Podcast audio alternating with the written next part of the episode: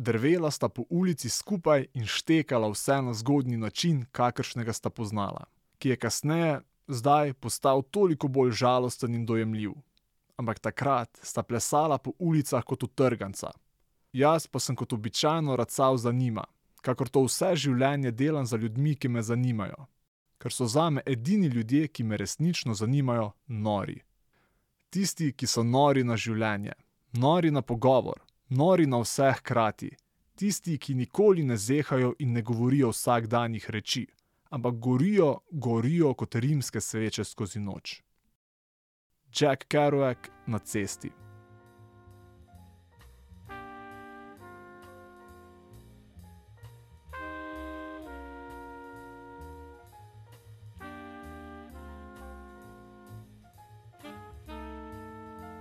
New York City, 1961, ura je šest popoldan. Klasični ameriški delovnik od 9 do 5 se je še bolj klasično zavlekel, zato ravno odhajate iz službe. Oblečete si trenčkot, na glavo si poveznete klobuk in se odpravite v hladno in mokro jesensko noč. Ko po manhattanskih ulicah stopate do podzemne železnice, vam hladen atlantski veter reže ulica, dež pa pada ravno toliko, da ste odprli dežnik. Medtem ko se gužvate v nabito polni podzemni, vam misli ob pogledu na poslovneže okoli vas odtavajo na lastno delovno mesto. Delo, ki ga upravljate čez dan, je rutinsko in monotono. Sodelavci v pisarni so starejši in dolgočasni. Rahlo opito vam razlagajo o svojih družinskih težavah, sami pa si ob takšnih trenutkih nestrpno prižigate cigareto za cigareto. Ko ste z mislimi zatopljeni v sivino svojega vsakdana, vas prebudi glas, ki oznani, da se vlak bliža postaji Washington Square. To vas spravi v boljšo voljo. Misli vam službenih zadev preskočijo na razlog, zakaj izstopate ravno na tej postaji. Že res, da imate dolgočasno službo, vendar pa to niste vi. To delo opravljate le dobri dve leti, fakulteta je še relativno svej spomin. Prav tako pa imate še dovolj energije, da ste aktivno upeti v umetniško sceno, po kateri je znana četrt Greenwich Village. In prav zato ste ta večer tukaj. Od kolega ste slišali, da v kavarni Wa nastopa nek mladenič, ki hitro postaja glavna zvezda vse bolj popularne folk glasbene scene. Mnogi pravijo, da je celo boljši od kraljice folka John Baez, kar pa se vam zdi nemogoče, saj nihče ni boljši kot John Baez. Ko pridete v kavarno, je ta še precej prazna, saj ste relativno zgodni. Dogajanje je dokaj umirjeno, le mlad pesnik na majhnem odru recitira svojo poezijo. Usedete se za mizo in si naročite pijačo. Kavarna se počasi polni, med prišleki je tudi vaš kolega, ki vam zdaj v pivu navdušeno razlaga o dogajanjih na sceni. Še posebej je navdušen nad novim prišlekom, ki se zgleduje po legendarnem Woodyu Guthrieju. Takrat se na majhnem odru pojavi mladenič v preprostih oblačilih. Ob sebi ima akustično kitaro, pred obrazom pa ima na smešnem držalu pripete orglice. Dylan se vam čez hrupno množico zadere prijatelj. Kot Dylan Thomas, ga vprašate. Ne, ne, ime mu je Bob Dylan. Vse ostalo je zgodovina popularne glasbe. Od samega začetka pa do danes in vse vmes.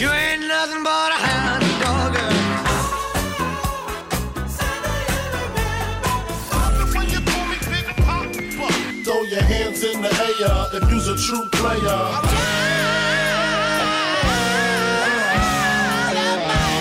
To je zgodovina popularne glasbe.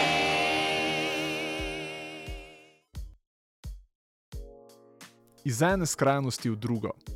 Če smo v prejšnji epizodi zgodovine popularne glasbe govorili o glasbeni industriji in komercialnosti pop glasbe, se bomo tokrat posvetili gibanju, ki je v veliki meri katalizator družbenih sprememb, ki so zaznamovale 60-ta leta in so za vselej spremenila naš vsak dan. Folk glasba je v osnovi staroameriška ljudska glasba in ima kot taka zelo pestro zgodovino.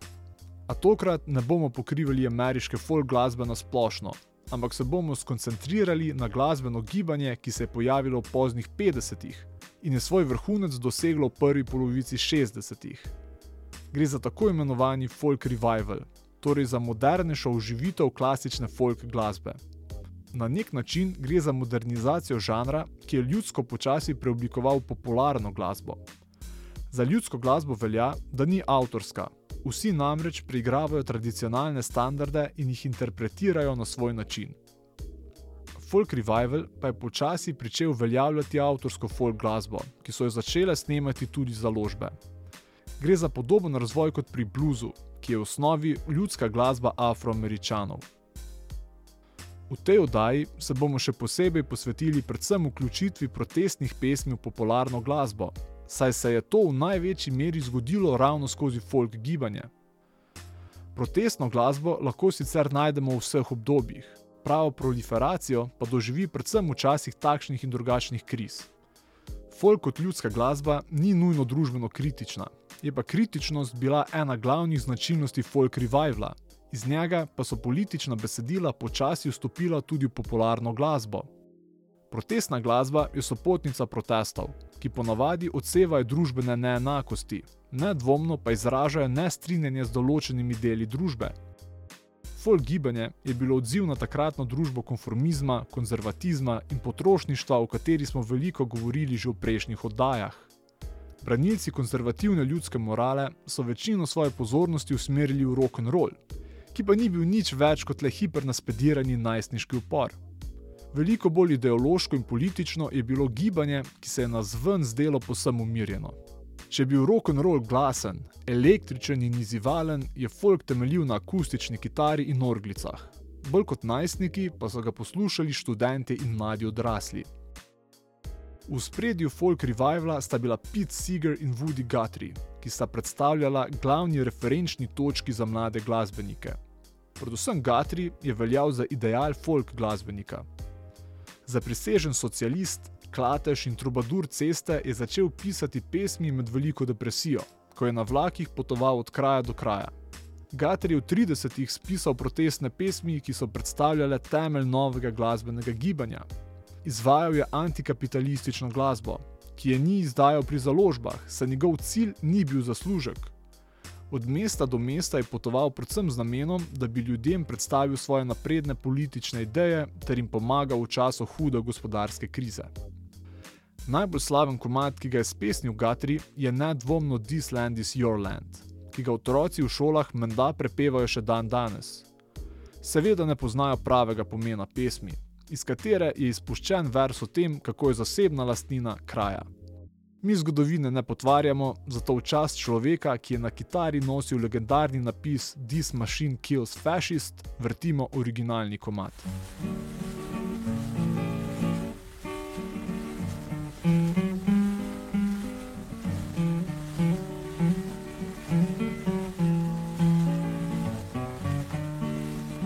This land is your land, and this land is my land. California to the New York Island, from the Redwood Forest to the Gulf Stream waters. This land was made for you and me. As I went a walking that ribbon of highway, and I saw above me that endless skyway. I saw below me that golden valley. This land was made for you and me.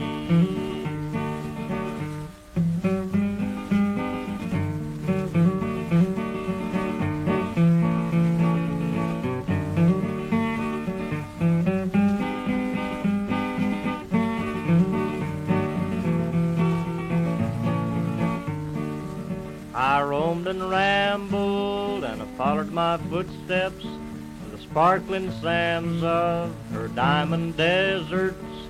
All around me, a voice was a sounding. This land was made for you and me. There was a big high wall there that tried to stop me. Sign was painted, said private property. But on the backside, it didn't say nothing. This land was made for you and me.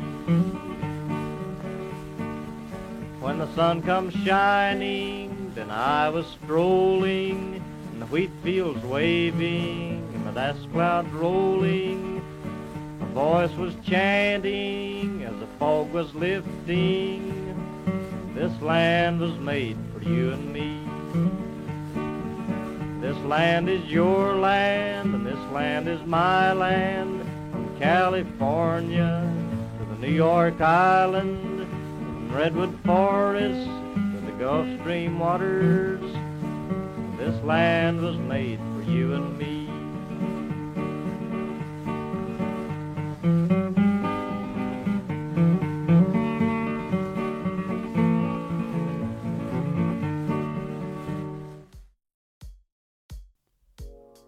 Guthrie je veljal za glavno inspiracijo večini mladih folk navdušencev. Tudi za Roberta Zimmermana, ki se je leta 1941 rodil v ruralnem mesecu v zvezdni državi Minnesota. Po njegovih besedah je bilo to majhno mesto kot vsako drugo v srednjem zahodu ZDA.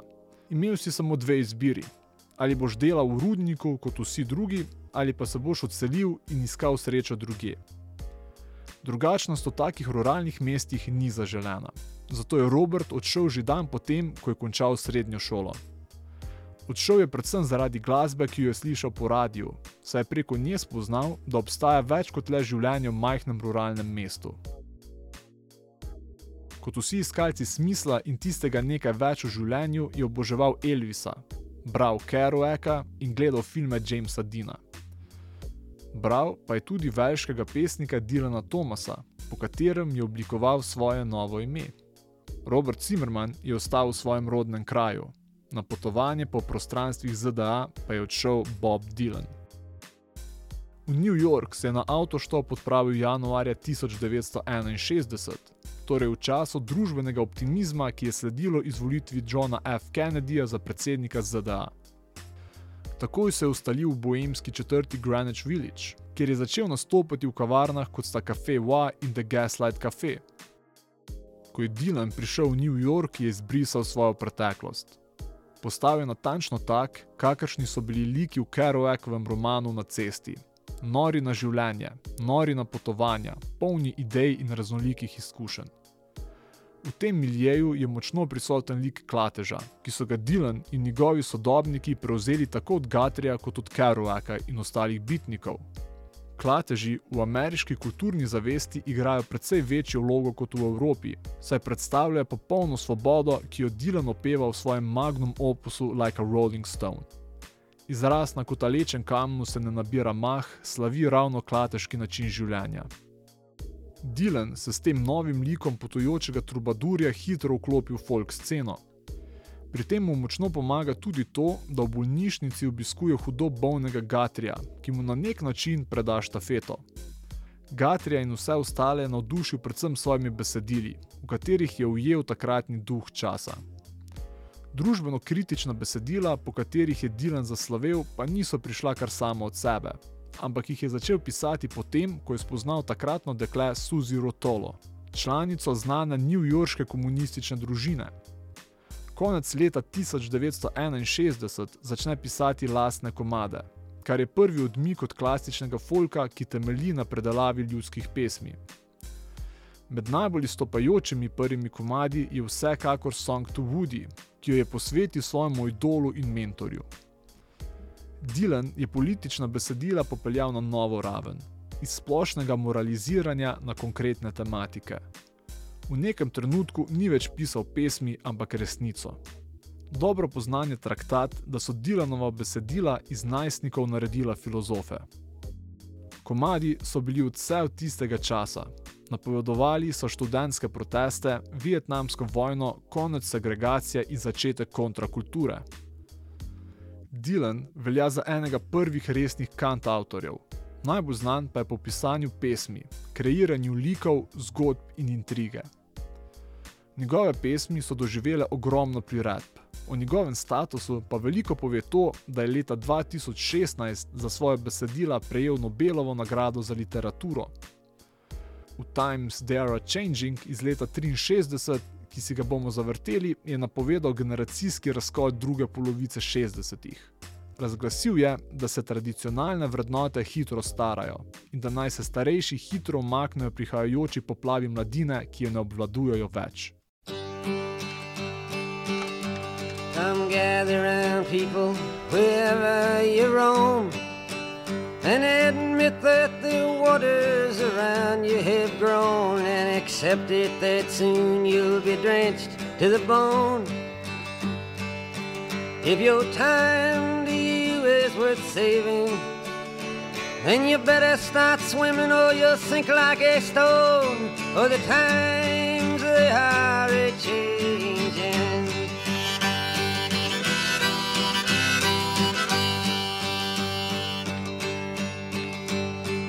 Writers and critics who prophesize with your pen. And keep your eyes wide, the chance won't come again. And don't speak too soon, for the wheel's still in spin. And there's no telling who that it's naming. Was the loser now will be later to win. For the times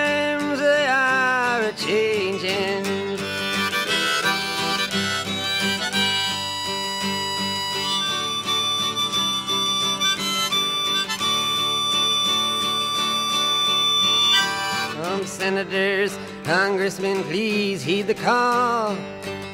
Don't stand in the doorway, don't block up the hall. For he that gets hurt will be he who has stalled.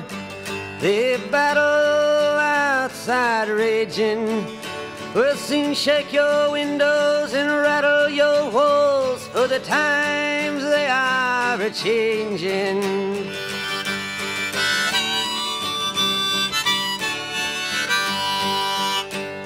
Mothers and fathers throughout the land. And don't criticize what you can't understand. Your sons and your daughters are beyond your command. Your old road is rapidly aging. Please get out of the new one if you can't lend your hand. For the times they are a changing.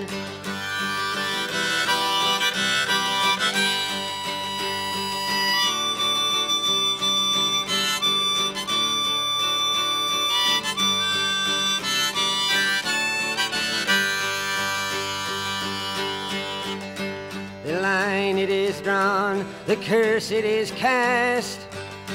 The slow one now will later be fast, as the present now will later be past. The order is rapidly fading, and the first one now will later be last. For the times they are a changing.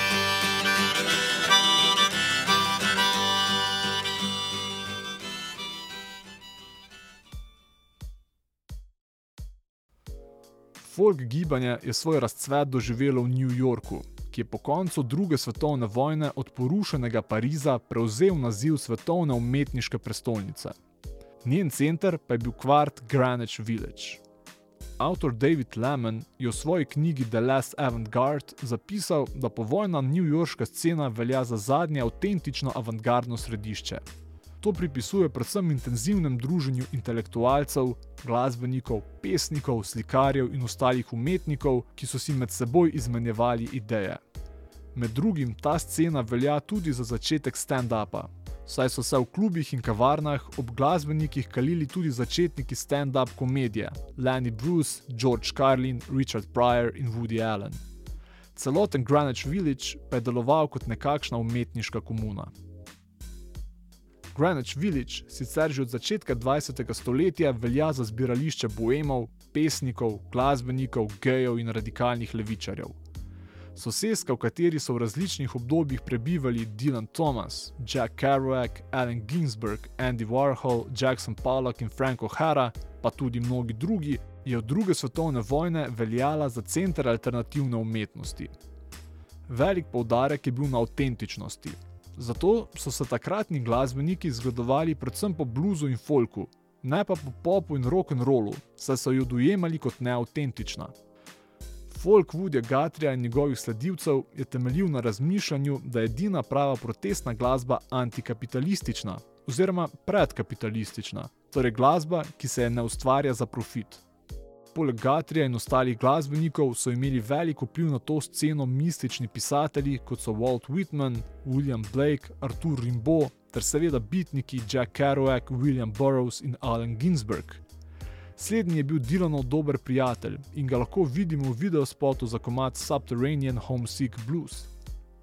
Dylan in ostali folk glasbeniki so bili bitniki v tem smislu, da niso pisali o tem, kar čutijo, ampak o tem, kar vidijo. Bitniki so predstavljali upor standardizaciji in homogenizaciji kapitalizma. Odkrivali so kraje in ceste, kjer ni istih motelov, trgovin, črpalk. Odkrivali so nekaj, kar je danes izgubljeno. Njihovo razmišljanje je temeljilo na tem, da se je potrebno gibati, če tudi brezciljno, saj so nasprotje gibanja ujetost, ustaljenost, konformizem in dolgčas. Dylan uteleša ta duh kontrakulture 60-ih. Noče se ustaviti, prilagoditi, asimilirati, misliti kot drugi. Izraziti mu je uspelo to, kar so drugi hoteli povedati, pa niso znali. Ubesedil je občutke in frustracije in je zato postal glas generacije. Dylan sicer ni bil pretirano politična oseba, je pa v pop glasbo peljal marsikatero družbeno kritično tematiko. Blizu je bil predvsem gibanju za državljanske pravice temnopoltih.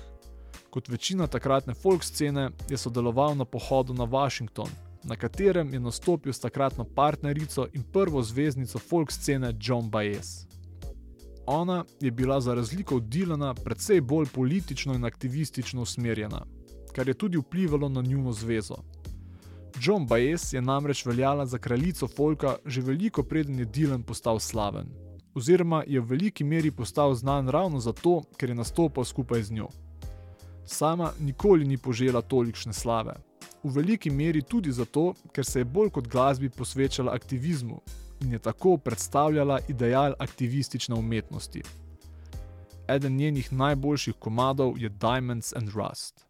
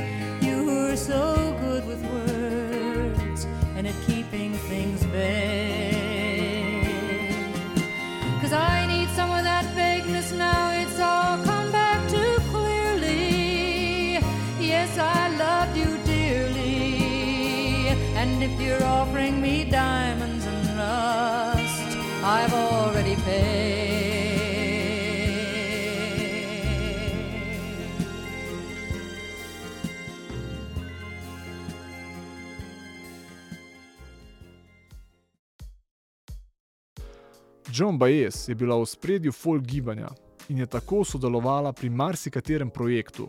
Še posebej pa se je angažirala v gibanju za državljanske pravice, pri katerem so veliko vlogo odigrali politično angažirani študenti severa, ki so se pridružili afroameričanom iz južnih ZDA pri zahtevi po državljanskih pravicah za vse. V veliki meri se je ravno iz teh progresivnih študentskih in umetniških gibanj začela razvijati kontrakultura 60-ih.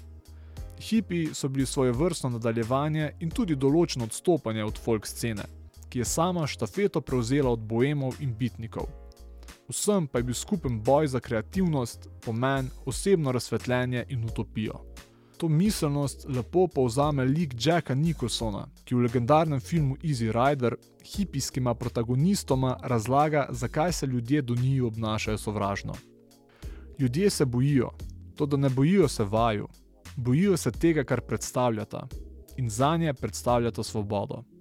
Sami pravijo, da so svobodni, to da govorjenje o svobodi je eno, biti svoboden pa čisto nekaj drugega. Če te na trgu kupujejo in prodajajo, potem si težko svoboden. Govorili in govorili ti bodo o individualni svobodi. To, da ko vidijo svobodnega posameznika, se ga prestrašijo in to jih dela zelo nevarne. Zato jim nikoli ne reci, da niso svobodni. V tem citatu je poosebljen duh kontrakulture 60-ih. Kontrakulture, ki v dobršni meri izhaja ravno iz folk glasbe, oziroma iz idej, ki jih je to gibanje posebljalo in širilo. Vseeno pa to še niso časi dolgih las, svobodne ljubezni, preštevilnih psihedeličnih drog in pisanih oblačil. Avtentičnost je v folku izgledala drugače. Akustična kitara, orglice, vokal ter vsakdanje casual obleke. Glasbeniki se niso oblačili v kostume, saj umetnikov niso dojemali kot igralce, ki se na odru pretvorijo v drugo osebnost, ampak je veljalo, da si na odru točno takšen kot v vsakdanjem življenju. Folk gibanje je višek popularnosti doživelo v prvi polovici 60-ih, ko se je počasi začela zaostrovati tudi družbena klima v ZDA. Glasbeniki kot so Seeger, Dylan in Oaks so kot odziv na to zaostrovanje v svoje pesmi začeli vključevati še bolj direktna sporočila, ki so kritizirala predvsem vse prisotni rasizem in če dalje večje vmešavanje ameriške vojske v vietnamsko državljansko vojno. Po letu 1964, ko je v ameriško ustavo sprejet zakon o državljanskih pravicah, ki prepoveduje diskriminacijo na podlagi rase, spola in religije, se je fokus aktivistov preusmeril predvsem na vojaški konflikt, ki je potekal v jugovzhodni Aziji.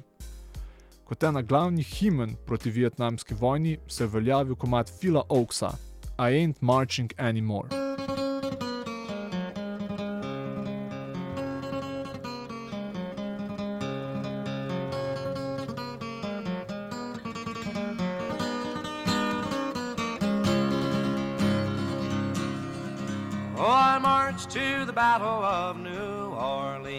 The end of the early British wars.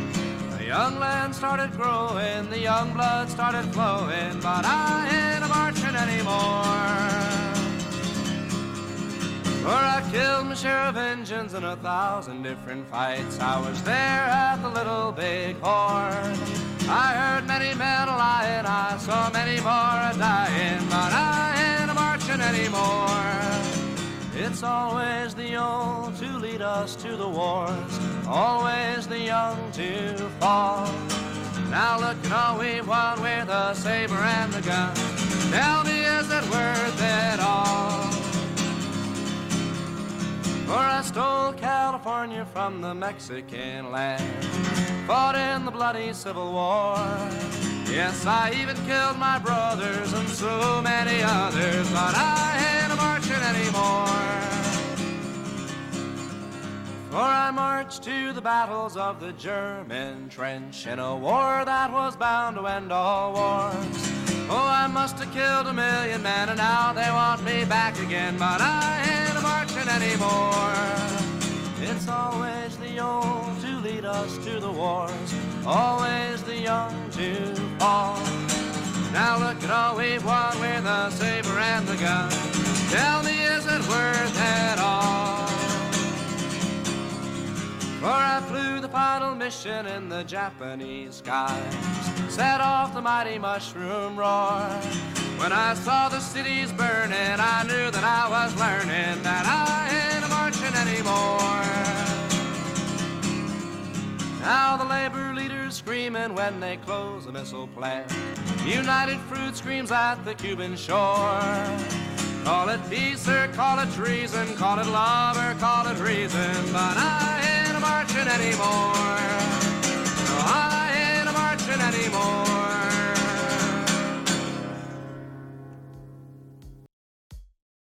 Po umoru Johna F. Kennedyja novembra 1963 so se razmere v ameriški družbi začele zaostrovati. Konec je bilo tako imenovane dobe Camelota, kot so zgodovinari poimenovali ero Kennedyjevega predsednikovanja. Iz ameriške družbe je počasi začel izginjati optimizem, ki je bil značilen za povojno obdobje. Izgubila se je nedolžnost, ljudje pa so si če dalje težje zatiskali oči pred vsemi nepravičnostmi, ki so jih videli v družbi. In na te neenakosti je glasno opozarjalo folk gibanje, ki se je če dalje bolj spreminjalo v protestno gibanje. V njegov center so če dalje bolj porivali Boba Dylana, ki pa se je v tej vlogi počutil vse bolj neprijetno, saj se sam ni imel za aktivista, ampak predvsem za glasbenika. Zaradi tega se je začel počasi odmikati od gibanja, ki ga je streljilo do svetovne slave. Odločilno je nanj vplivalo srečanje z Beatli, ki jih spozna leta 1964. To srečanje velja za enega ključnih v zgodovini popularne glasbe. Se naj bi Beatli vplivali na to, da je Dylan zamenjal akustično kitaro za električno. Še večji vpliv pa ima to srečanje na Lennona, ki se ob Dylanovih besedilih zamisli o svojem pisanju brez substance, ki ob Dylanu izpade kot krcanje naivnega in nedolžnega najstnika. Kmalo zatem Beatli začnejo svojo resnejšo psihedelično fazo. Dylanu se aktivisti zazdijo oskogledi, zato se omaknejo v samo, spremeni imič in se priključi na štrom. Javnost ga je želela popredalčkati v videologa, pesnika progresivne levice, ki skozi glasbo izraža protest. Vendar se je sam temu uprl, predvsem s tem, da je začel pisati dolge raznolike pesmi, ki so spremenile pogled na album kot koncept. Iz folk trobadurja se je preobrazil v mističnega rokerja. Ta preobrazba je vrhunec dosegla na Newportskem folk festivalu leta 1965. Newportski festival je bil vsakoletno največje zbirališče folk glasbe, kjer so obiskovalci uživali v sproščeni atmosferi, političnih govorih in akustični glasbi. Leta 1965 pa Dylan vse navzoče šokira s tem, da k svoji glasbi doda 110 V elektrike. Ob Dylanu tedaj nastopi njegova nova spremljevalna skupina The Band, ki je čez nekaj let tudi sama dosegla svoj trenutek priznanja z albumom Music from the Big Pink. Dylanov koncert pospremi oglušujoče žvižganje, ki mu ga namenijo folk puristi. Prav nič bolje ni niti na turneji, ki sledi, oprime se ga celo vzdevek Judaš. Manj kot mesec dni potem, ko se vrne s turneje, naj bi bil udeležen v hudi prometni nesreči. Padec z motorjem naj bi ga skoraj stal življenja. Vendar o tem ni veliko znanega. Ve se zgolj to, da je po tej nesreči izginil izpred oči javnosti. Nekateri pravijo, da je bil padec zgolj fabrikacija in priročen izgovor za to, da se je umaknil iz javnega življenja. Odmaknil se je pred slavo, njegovi fani pa so na novo turnejo čakali vse do leta 1974. Kljub vsem očitkom v izdaji, pa je Dylan v svojih pesmih še vedno napadal ustaljeni družbeni red. V komadu It's Alright Ma razglasi, da denar ne govori, kot sicer pravi znani ameriški pregovor Money Talks. Temveč pravi, da denar psuje.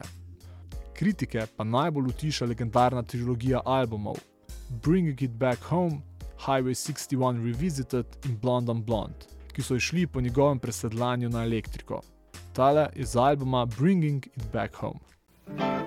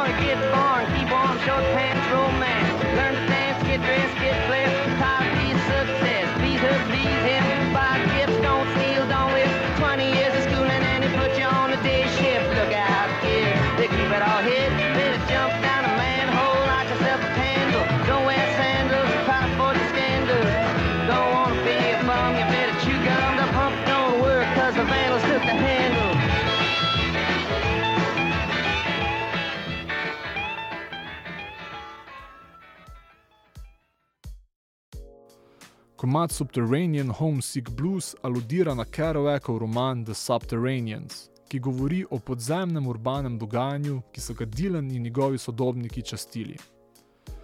Dylan si v tem komadu na nek način želi vrnitev v povojni New York, saj se je metropola pred njegovimi očmi spreminjala na slabše. V očeh mnogih je mesto svoj vrhunec doživelo v 50-ih, na to pa je sledila precejšna suburbanizacija, ko so se predvsem višji in srednji razredi preselili v predmestja. Z njimi je iz New Yorka odšlo tudi veliko denarja ter politične moči, kar je pomenilo, da je mesto zaradi pomankanja vlaganj v infrastrukturo počasi začelo propadati. Na Manhattan so se začele preseljevati predvsem različne marginalizirane skupine. Vemo pa, da se predvsem v ZDA v takšne četrti ne vlaga, saj ne bodo ustvarjale profita. V mestu se je močno povečala brezposelnost in s tem neenakost, ki je pomenila porast kriminala in uporabe težkih drog. Sicer so bila zgodna 70. obdobja, ko je New York dosegel najnižjo točko, vendar se je že na sredini 60-ih pojavil občutek, da voz drvi navzdol. To se je kakopak občutilo tudi v glasbi, najverjetneje še najbolj v komadu Simona and Garfunkla The Sound of Silence. Hello, darkness, my old friend. I've come to talk with you again. Because a vision softly creeping left its seeds while I was sleeping, and the vision that was planted in my brain still remains within the sound of silence. In restless dreams, I walked alone, narrow streets of cobblestone. Neath the halo of a street lamp, I turned my collar to the cold and damp. When my eyes were stabbed by the flash of a neon light that split the night touched the sound of silence. And in the naked light, I saw ten thousand people, maybe more. People talking without speaking, people hearing without listening, people writing songs that voices never shared.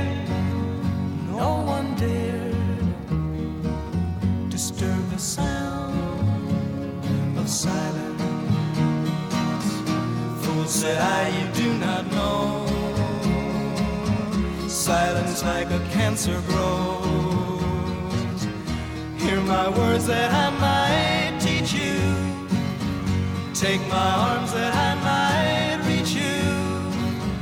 But my words,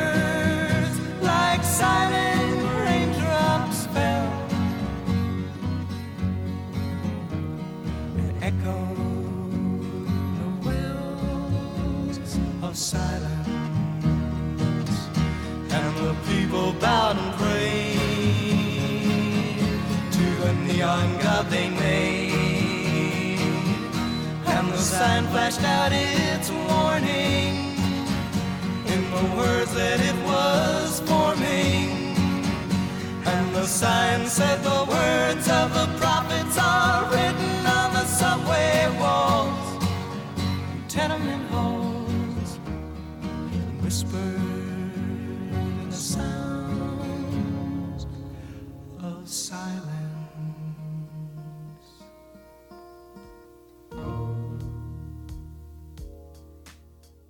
Zaradi vsega omenjenega je New York počasi začel izgubljati status glasbene prestolnice.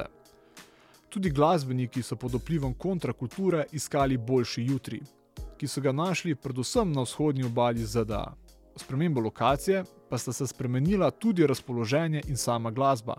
Pod vplivom Beatlov in Dylanovega prehoda na elektriko se je pojavil nov žanr, folk rock, o katerem bomo govorili v naslednji epizodi. Folk rock je lep prikaz tega, kako je Los Angeles v 60-ih kot prestolnica glasbe zamenjal New York. Če si hotel postati znan glasbenik, si iz svojega kraja po koncu srednje šole prišel v LA. Ta je predstavljal mesto upanja, kontrakulturnega, hipijskega optimizma. Bil je topel, sončen, poln pozitivnih vibracij, popolno nasprotje sivemu, hladnemu, deževnemu, turobnemu in pesimističnemu New Yorku. Mesto Angelov je predstavljalo prihodnost, zato ne čudi, da so mnogi glasbeniki, ki so bili del newyorške folk scene, migrirali v Kalifornijo. To iskanje novega, boljšega jutri je poosebljanje ameriške ideologije, vedno novega odkrivanja in strmenja v prihodnost. In ta nova prihodnost je v 60-ih za glasbenike postal Los Angeles. To je najlepše ponazorjeno v komadu California Dreaming skupine The Mamas and the Papas, še enih bivših članov newyorške folk scene, ki so se leta 65 preselili v sončno Kalifornijo. Poslušali ste novo epizodo zgodovine popularne glasbe. Z vami sem bil Gregor. Zgodovino popularne glasbe najdete na spletni strani Radia Eter ter na različnih podcast platformah. Za konec pa vas prepuščam sanjarjenju v topli Kaliforniji. Se slišimo naslednjič. Ciao!